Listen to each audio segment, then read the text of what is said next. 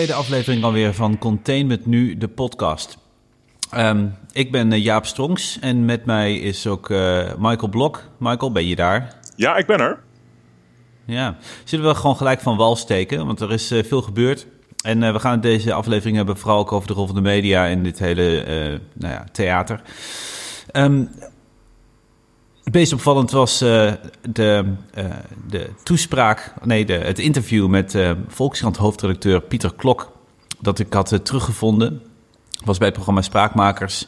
En daar ging hij in op de, nou ja, de redactionele strategie van de Volkskrant. Aangaande mensen met een kritisch verhaal over de corona-aanpak van de Nederlandse overheid. En de strategie zoals uitgestippeld door het RIVM en het, het Outbreak Management Team. Uh, laten we even een klein fragmentje daarvan uh, horen. Dat is, uh, het, het, laatste stukje is eigenlijk het belangrijkste. In het begin ging de vraag over wat hij vond van de veelvuldige optredens van Ab Osterhaus bij Op 1 onder meer. En daar zei hij, nou ja, dan vond hij maar onzin dat die man zoveel aan het woord kwam.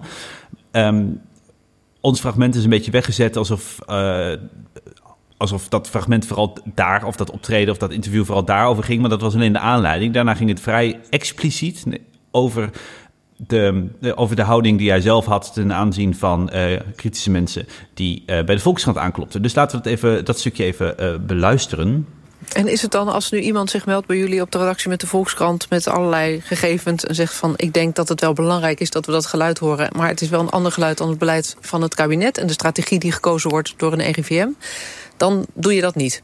Nou ja, ik zou zeggen, het RIVM is een instituut. Hè? Ik wil, mm -hmm. we hebben in het verleden discussie gehad... toen de boeren de, de, de uitkomst van de RIVM Zeker? betwijfelden... Ja. vonden we dat allemaal uh, toch uh, gemiddeld genomen vrij schandalig. En nu is dat ineens heel normaal geworden. Ja, ik vind het... Ik, ik, zie niet, ik zie de noodzaak niet. Er zitten gewoon hele goede mensen. Mensen die daar de hele dag aan werken. Dag en nacht onderzoek doen. En dan zouden wij als, als bevolking daar ook nog een mening over moeten hebben. Ja, ik, ik, ik zou zeggen, laten we ons op andere dingen richten. Onze energie stoppen, in elkaar helpen hier doorheen te komen. En niet uh, uh, alle energie in de discussie over de vraag... wat is nu de goede aandacht, uh, of de goede aanpak. Dat kan de RVM heel goed bepalen. Nou, dat deed bij de, de oren wel klapperen. Wat jou, Michael? Ja, knap gevonden. ja, ja, we wisten dit wel als hypothese. We hielden hier heel erg rekening mee. Heel veel stuk hebben we ingestuurd naar eigenlijk alle grote nationale kranten en, en ja, vaak wel een beleefd antwoord, we, we zetten hem er niet in. Maar en de eerste twee keer denk je, onze stukken zijn misschien niet zo goed. Dat kan gebeuren. De derde keer denk je, misschien hebben ze te druk met andere stukken... of schrijven andere mensen ook goede stukken... en ondertussen weten we dat onze stukken uitstekend waren. In ieder geval een, een groot gedeelte daarvan. En dat ze die uh, ja, in, in de meeste gevallen zo te zien niet eens serieus overwogen hebben. Ja, want inderdaad, even qua context. Hè, wij zijn de podcast gestart als, uh, als, als de twee, mensen, twee van de mensen achter Containment Nu. Een actiegroep uh, die zich inzet voor een containmentstrategie zoals de meeste landen die nastreven. Hè, met testen, traceren en isoleren. Proberen het, uh, het virus zoveel mogelijk in te dammen. het najagen van elke infectie. En eigenlijk proberen richting de nul infecties te komen. Terwijl onze overheid officieel een mitigatiestrategie nastreeft van het geleidelijk uitsmeren van de epidemie. Um, en waarbij ook nog op de RIVM-pagina nog steeds staat van dat uh, mensen de immuniteit kunnen opbouwen en dat die ook een functie krijgt toebedeeld van een beschermend muurtje. Uh, vanuit het idee dat als genoeg mensen immuniteit opbouwen, dat ze dan niet het virus kunnen doorgeven aan kwetsbare mensen, uh, zoals oudere mensen of mensen met auto-immuunziekte, et cetera. die kritiek is heel erg bekritiseerd. En, en terecht, want die immuniteit die vervliegt ook weer na zes maanden. Maar die rol krijgt het nog steeds. Er wordt nog, het is ook steeds onderdeel van het narratief gebleven. En daarom is onze inbreng als, een, ja, als de club die consistent ook voor containmentstrategie heeft gepleit... wat heel relevant is, aangezien de meeste landen dat ook met succes doen... Uh, is onze inbreng relevant. En dat is dus ook de reden dat ik ook op zoek ging naar een verklaring voor uh, het gegeven dat met name Volkskrant en NRC zich niet ontvankelijk toonden voor dat geluid. En daardoor kwam ik bij dat fragment uit. Uh, het is dus niet zo dat we zomaar een fragment vonden en dat besloten na drie maanden nog eens even de eter in te slingeren. Het is meer, we wisten al, we constateerden dat die strategie er was en we zochten een verklaring. En hier wordt gewoon letterlijk ook um, uiteengezet dat het beleid is in ieder geval toen bij de Volkskrant en we, naar wij mogen aannemen dat ook nog is gebleven, om uh, mensen met een dergelijk verhaal dat rechtstreeks ingaat op de strategie van de overheid en het RIVM geen ruimte te bieden. En dat geldt ook niet alleen voor ons. We hebben ook achter de schermen uh, gehoord van heel veel andere mensen, ook, ook artsen en epidemiologen, uh, dat hun stukken en ingezonde lezersbrieven ook uh, ja, categorisch niet worden geplaatst. Nou, dat zegt wel iets over de stand van de media, dacht ik zo, Michael. Ja, dat, dat denk ik wel. Het interessante is dat, daar hebben we het eerder vandaag ook over gehad het is misschien oké om zoiets een paar dagen of een week of twee te doen. Want ja, als, eh, als de Duitse tanks uh, op 5 mei, eh, wat is het, 10 mei 1940 het land binnenrijden, dan wil je ook niet dat de premier de hele tijd naar de Kamer geroepen wordt. Uh, maar ja, op een gegeven moment houdt dat op. En het lijkt toch nog, nu drie maanden later, nog best wel staand beleid, uh, eerlijk gezegd. Het tweede ja. wat me eraan stoort, is dat Natuurlijk moet het kunnen dat, uh, dat af en toe een. een, een uh, want het kabinet heeft ook over meerdere dingen een valse voorstelling van de werkelijkheid gegeven. Daar hebben we al veel uh, over geschreven en gezegd. En ik vind het eigenlijk helemaal niet zo erg dat een kabinet liegt in, zo, in de grootste crisis die jij en ik ooit hebben meegemaakt. Ik vind het ook niet zo heel erg als die kranten één of twee weken lang een kop houden en geen kritiek dulden. Maar doe het dan wel voor een normale uh, aanpak. Als de Nederlandse regering ja, nou, op 10 mei 1940 had gezegd... Uh, we, we, we, openen de grenzen voor de Duitse troepen en we gaan meteen capituleren... dan moet het parlement en de media wel zeggen... nou, nou laten we eerst maar eens een paar dagen gaan vechten, kijken wat er gebeurt. Ja, ik, ik, heb enig begrip voor die zienswijze in het algemeen, maar zelfs in dit specifieke geval gaat die vlieger wat mij betreft niet op. Uh, het fragment dateert van 19 maart 2020. Uh, de toespraak van Mark Rutte, waarin hij uiteenzette dat hij ging voor een, uh, een immuniteitsstrategie. Um, of een strategie van uh, maximaal controleren, wat neerkomt op het uitsmeren van het aantal besmettingen. ervan uitgaan dat de meeste mensen het zullen krijgen, wat ook expliciet is gezegd. En waarbij mensen groepsimmuniteit moeten opbouwen. En dat dat de rol krijgt van beschermend muurtje, zodat mensen met een kwetsbare gezondheid beschermd worden. Dat was dan 16 maart. En wat ook belangrijk is, dat in die week uh, kwam in het nieuws dat de Imperial College in het Verenigd Koninkrijk uh, was teruggekomen op, een, op de eerdere groepsimmuniteitsstrategie, die ze inmiddels weer hebben omarmd overigens. Maar het gaat om de context, de mediawerkelijkheid ook van die week, dat daar expliciet afstand werd gedaan van een groepsimmuniteitsstrategie, omdat uit berekeningen bleek dat dat zou leiden tot honderdduizenden doden. En dat het dus een fout was geweest uh, en die is, is rechtgezet en dat dus een verkeerd rekenmodel is gebruikt. Dus als je bedenkt dat het dus uh, mogelijk is dat er een verkeerd model wordt gebruikt door, uh, door een RIVM of door een Imperial College uh, dan is het ook evident dat, uh, dat, je daar niet, uh, dat je er niet voetstoots van uit moet gaan dat de strategie die wordt geordoneerd door je wetenschappelijke adviseurs automatisch de juiste is. En dat er geen sprake is van. Ehm, nou ja, ja dat het zinvol is dat daar kritiek op wordt gegeven. Ja, je gebruikt met respect een hoop woorden om iets heel simpels te zeggen. En dat is dat, wat ik ook zeg, als het beleid apert belachelijk is, dan moet je dat niet gaan ja. lopen slopen steunen door alle kritiek uh, af te snijden. En dat is ook wat in Groot-Brittannië gebeurd is. Ze gouden perster hè, uh, rook ergens in een hoekje van de Kamer dat er honderden duizenden doden expres uh, toegelaten zouden worden. Was het beleid binnen 24 uur of 48 uur van tafel. Er was massale ophef op televisie en de kranten. En dat zou in Nederland ook zijn gebeurd. Want dit beleid is, dat zie je ook aan de misleiding van het kabinet. Dit beleid verdient het daglicht niet. Waarom zou je dit in godsnaam doen? Waarom ga je niet even lekker een beetje uh, test trace isolate doen met bron- en contactonderzoek. Lekker veel testen.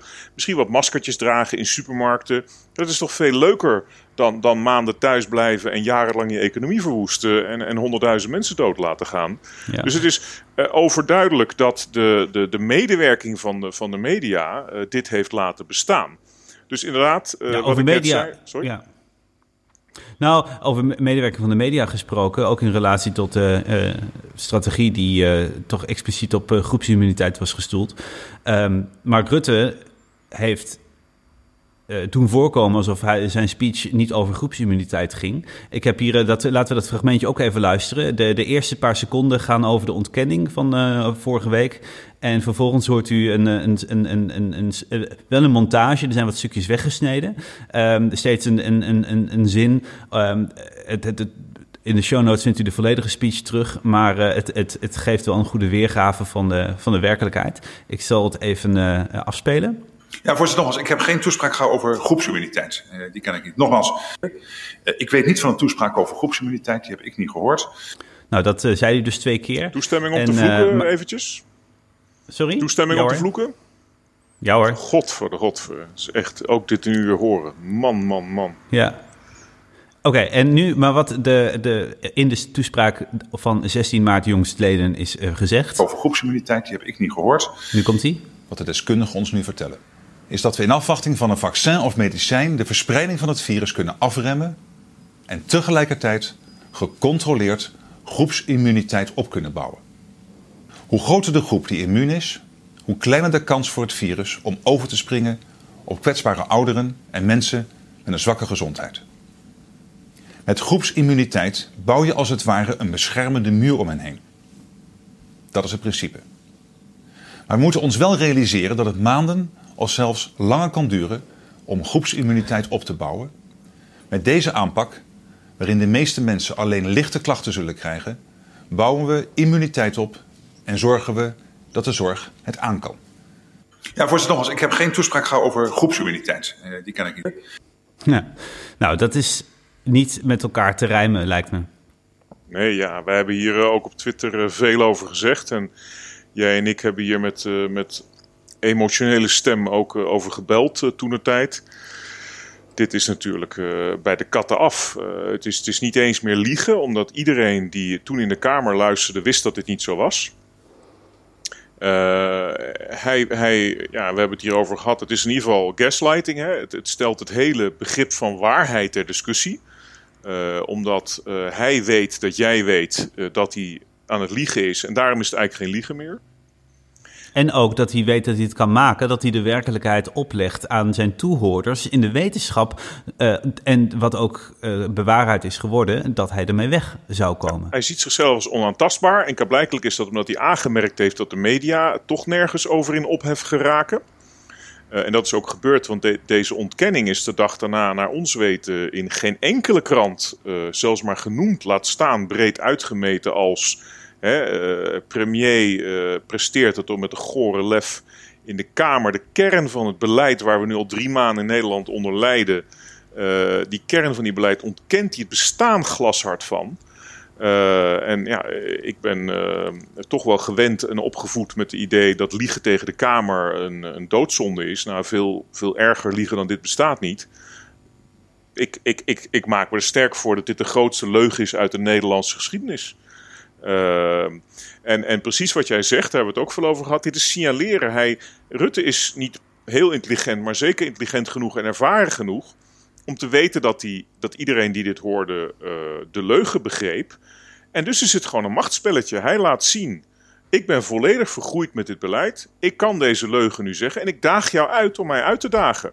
Want als iemand toen was opgestaan en was weggelopen. of als de media de dag daarna uh, in ophef was geraakt, dan weet Rutte dat hij uh, had moeten, uh, ja, dat hij en Van Dissel en het beleid, dat is één pakket. Dat heeft hij daarmee ook impliciet een beetje lopen signaleren. signaleren. Dus hij, ja, door dit te zeggen, zegt hij gewoon, als je hier gelopen zeiken, ik laat die groepsimmuniteit nu begraven definitief. En we gaan allemaal doen alsof het nooit bestaan heeft. En als je dat niet leuk vindt, dan raak je je hele, uh, je hele staatsbestel kwijt. Daar komt het een beetje op neer. Ja, of in ieder geval uh, kom je als politiek redacteur uh, niet meer aan bod bij de volgende persconferentie. En dergelijke represailles zou misschien ook wel in het verschiet liggen. Terwijl het wel is opgemerkt, uh, Lamje Aourai, uh, de politiek redacteur van NRC, heeft hierover getwitterd dat het uh, op dat moment, dat uh, zei hij nou echt dat, hij dat, dat die speech er niet over ging. En die is heel veel geretweet, maar we hebben het, nou, er in, in de media inderdaad niets van mogen vernemen.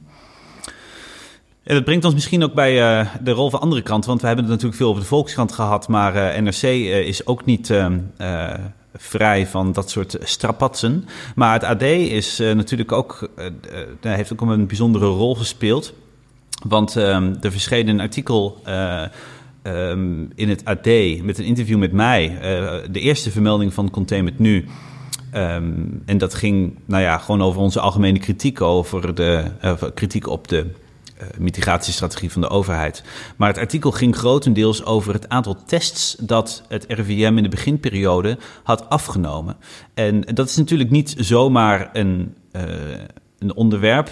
er is gebleken vorige week dat in, de, in, april de, verplegend personeel van uh, verpleeghuizen, uh, of verzorgend personeel van verpleeghuizen en, en thuiszorgmedewerkers niet getest mochten worden vanwege vermeend capaciteitsgebrek.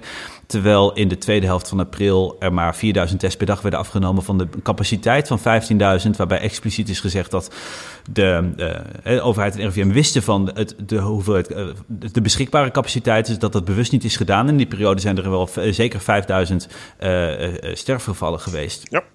En Um, dat is natuurlijk schandalig. En uh, dat deed ons er natuurlijk onmiddellijk aan denken dat een van de uh, aanleidingen voor de oprichting van ons platformpje uh, was dat duidelijk werd door onder meer Mark Friedrich, die in de Groene Amsterdammer vertelde dat er geen sprake was van gebrek aan testcapaciteit begin maart, hoewel dat door het RIVM ook toen uh, werd voorgesteld als de reden dat, um, nou ja, dat er voor een mitigatiestrategie is gekozen, dat het in ieder geval problematisch was. Hè, er was toen al duidelijk dat ook, in, ook begin maart, in die kritische fase, of eind februari, in die kritische fase waarin de terugkerende wintersporters en carnavalsvierders die een infectie hadden opgelopen, uh, hè, dat dat te veel was om, uh, om, om, die allemaal te testen. Vooral ook om die vervolgens te traceren. Hè. Daar, zit, daar zat het werkelijke capaciteitsgebrek. Desalniettemin is ook het vermeende capaciteitsgebrek van testen ook onderdeel geweest van, de, van het narratief. Um, wel nu, dat artikel ging erover dat het RIVM niet prijs wilde geven of niet wilde vertellen hoeveel tests er in die eerste fase zijn afgenomen. En uh, dat artikel vertelde dat, dat, uh, nou ja, dat het RIVM dat niet wilde vertellen en dat dat heel raar was. Nou, het verscheen online en ik had het gelijk door omdat ik erin voorkwam, maar het ging ook diezelfde avond nog offline. Nou, later in een interview met, uh, ja, ik denk de broer van Roos, dan nou ben ik de naam kwijt hoe die daadwerkelijk heet. Tim. Tim Hofman, precies.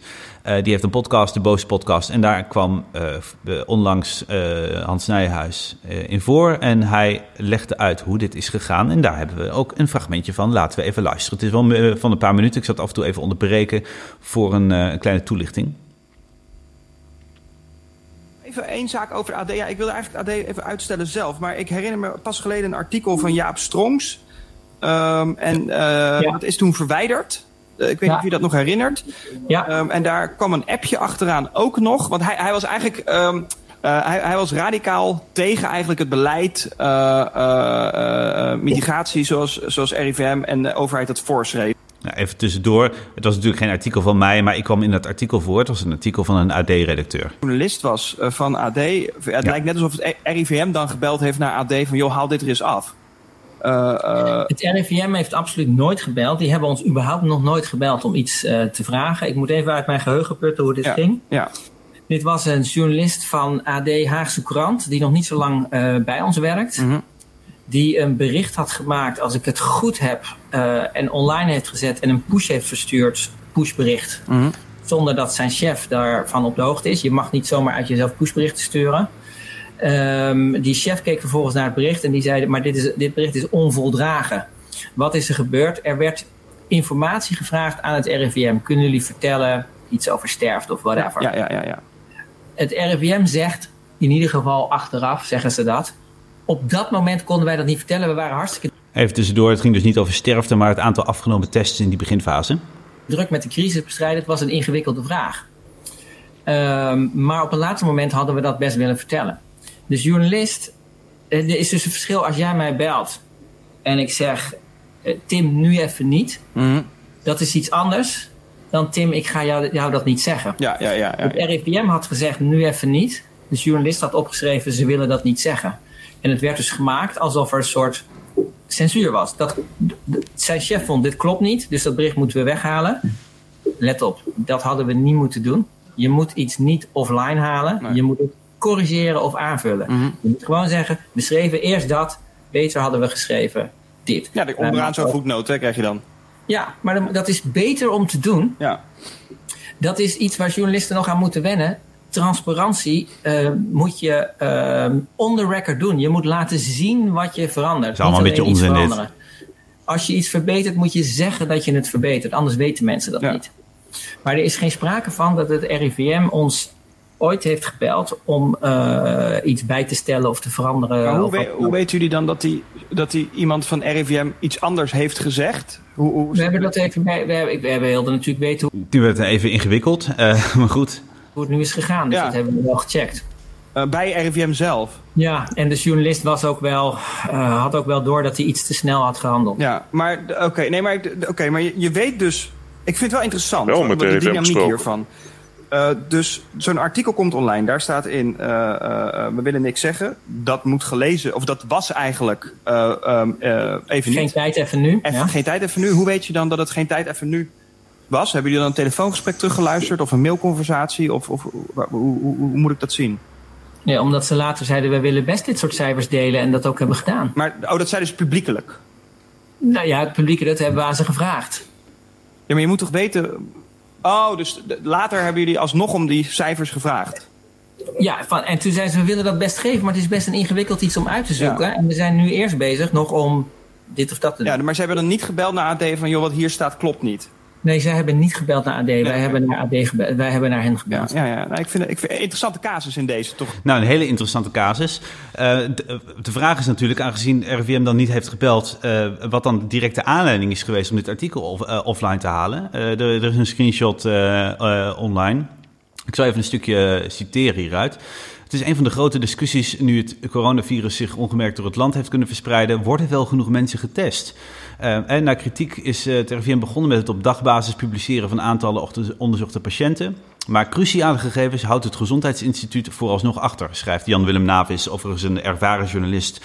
Uh, hè, hoewel uh, Nijhuis uh, doet alsof hij nog maar kort bij ons was en allemaal de regels nog niet goed kent. Mag je wel een appje sturen of niet? Alsof het een beetje een, een, een ja, een onervaren foutje, een foutje, foutje is van een onervaren reporter. Blame the intern. Um, ja, precies. Maar cruciale gegevens houdt het Gezondheidsinstituut vooralsnog achter. AD Haagse Krant onthulde eerder dat het RIVM in de begindagen de coronatestmachine bijna leeg liet draaien, maar wel onderzoeken weigerde van mensen die achteraf wel degelijk besmet bleken. Want dat artikel waar wij uh, ook naar verwezen in onze petitie testen.test.nl, waaruit bleek dat dus inderdaad die testmachine, uh, dat, dat, ja, dat die eigenlijk niks te doen had, dat was van dezelfde journalist. Dat is een, gewoon een ervaren journalist die weet wat er aan de hand is.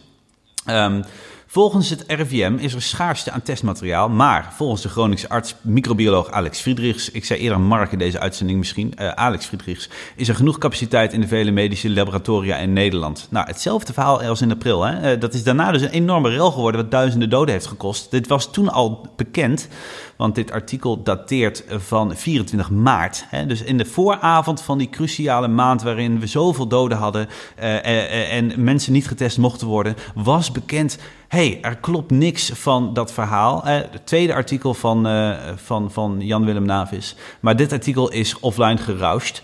Um, even kijken.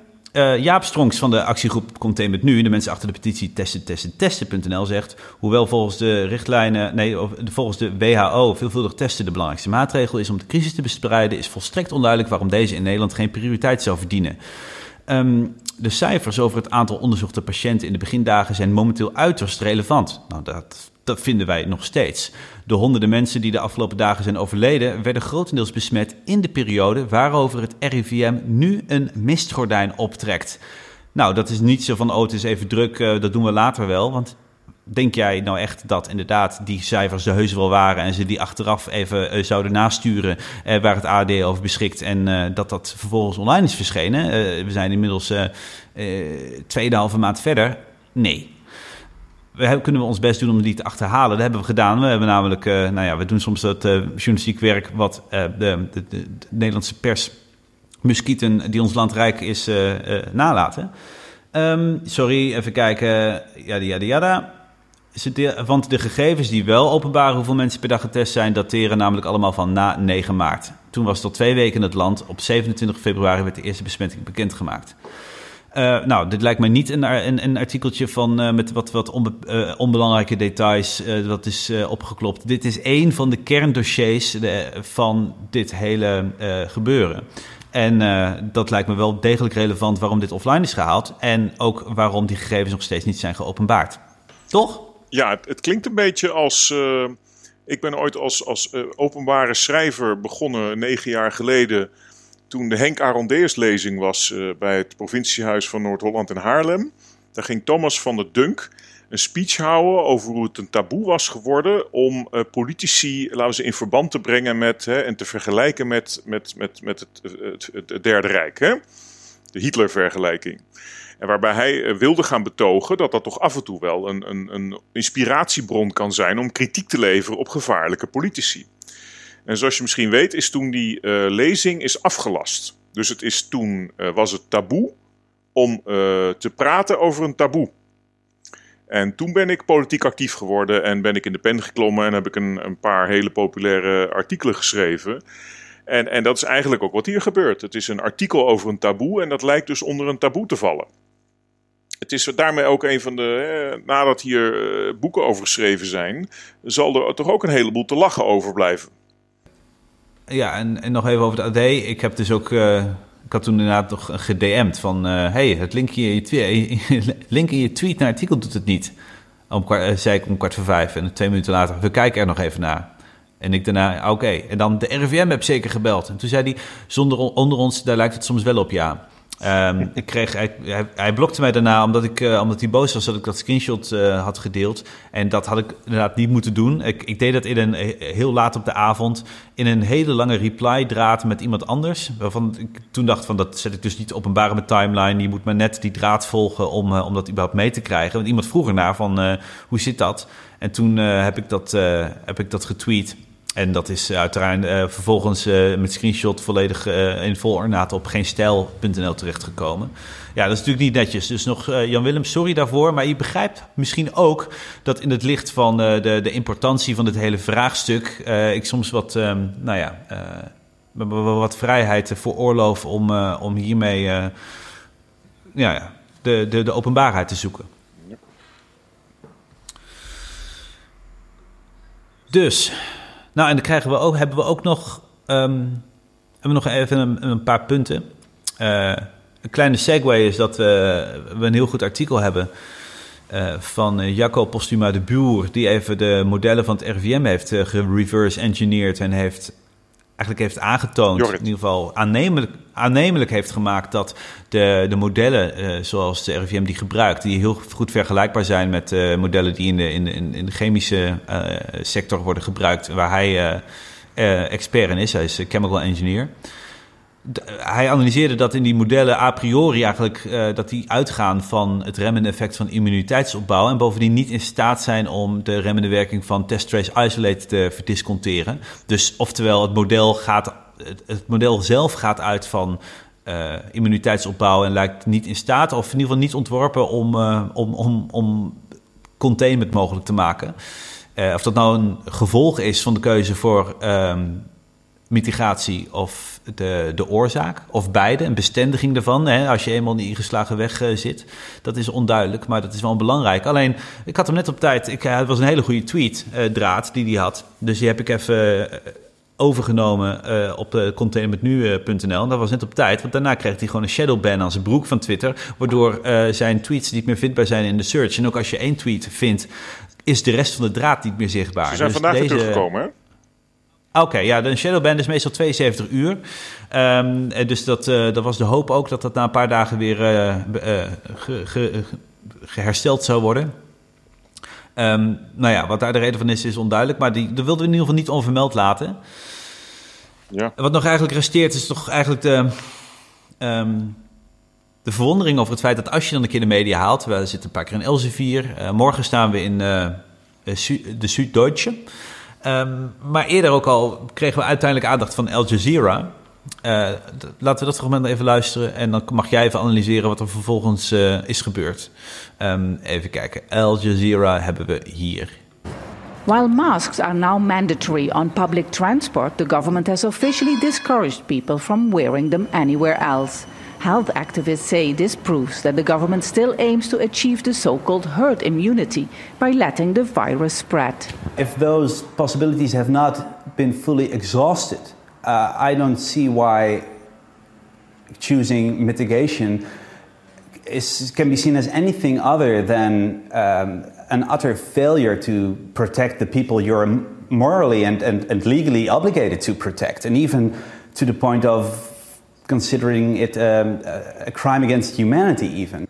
The government was not available to comment on the allegations. Nou, dat vond ik wel aardig. Uh, het was natuurlijk uh, uh, zo'n situatie waarbij je drie kwartier oreert en waar vervolgens tien seconden van is gebruikt.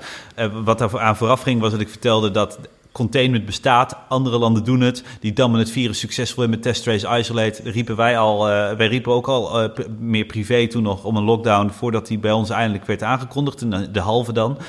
Um, dat kan dus. Uh, en ook al zou mitigatie uiteindelijk.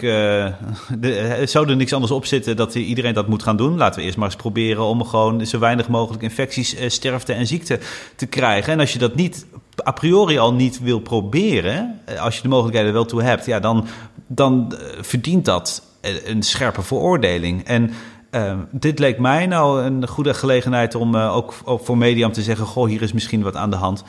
Um, maar ja, dat, um, de reactie, veel reactie kregen we er uiteindelijk niet op, of wel? Nee, nou, het is een breder patroon. Je hebt het gehad over de strijd tegen Zwarte Piet, waar ook jij en ik aan, aan mee hebben gedaan. Maar natuurlijk in, de schaduw staan van allerlei mensen die dat echt geregeld hebben de afgelopen tien jaar. Eindelijk. althans, het is nog niet helemaal klaar. Maar in dat proces moet je een, een, het begin doen van first they uh, ignore you, then they ridicule you, et cetera, et cetera. Dit is toch vrij uniek dat, dat mensen als jij en ik, die, laten we zeggen, vanuit de middenklasse komen, de witte middenklasse, die op een respectabel platform dingen zeggen die in de hele wereld gebeuren. En iedere keer denken jij en ik dan van, nou, nu zal de sneeuwbal wel gaan rollen. want ons verhaal is heel simpel en consistent en, en gewoon veel beter. En, en de hele wereld doet het zo. En de landen die nog niet bedacht hebben, die komen er vanzelf wel. En toch iedere keer weer is het gewoon een, een, een, een rimpeltje op, het, uh, op de vijver die gewoon weer uitdooft uh, meteen. En, en dat zie je ook met die ophef over Rutte, waar we het eerder over hadden. Dat hij gewoon keihard staat te liegen dat hij zijn, zijn immuniteits, groepsimmuniteitstoespraak nooit gehouden heeft. En dat vind ik een hele interessante. En jij bent wel communicatiewetenschapper, ik niet. We hebben allebei wel heel veel politieke ervaring. Ik kan me niet, ja, niet zo gauw indenken waar dit nou vaker voorkomt. Dat, je, dat jij ook iets ziet in een krant en denkt: hé, hey, dat is een heel ander viewpoint. Dat zijn intelligente mensen. Het is een reputabele, reputabel medium. En ik zie gewoon helemaal niets wat erop lijkt dat. Uh, daarna hoor ik er nooit meer wat van. Dat kan ik me niet herinneren. Nee. Dat leidt altijd tot discussie. Ja, nee, en we hebben ook wel hè, netwerken weten wel ingangen te vinden. Ik bedoel, ik heb uren zitten bellen met Volkskrant-columnisten en, uh, en ook met Kamerleden en zitten DM'en en we hebben acties opgezet. En dat heeft ook wel impact. Hè? Ik bedoel, dan, dan bel je een uur met een Kamerlid en dan worden er wat kritische vragen gesteld. Maar vervolgens, uh, nou ja, schampert Rutte wat en um, wordt uiteindelijk toch niet... Um, doorgebeten en, en uh, is er een strategiedebat geweest waarvan ook niet letterlijk wordt gezegd, uh, er wordt ook moeilijk erkend hè, dat er nu een mitigatiestrategie is die nog lijkt af te steven ook op immuniteitsopbouw.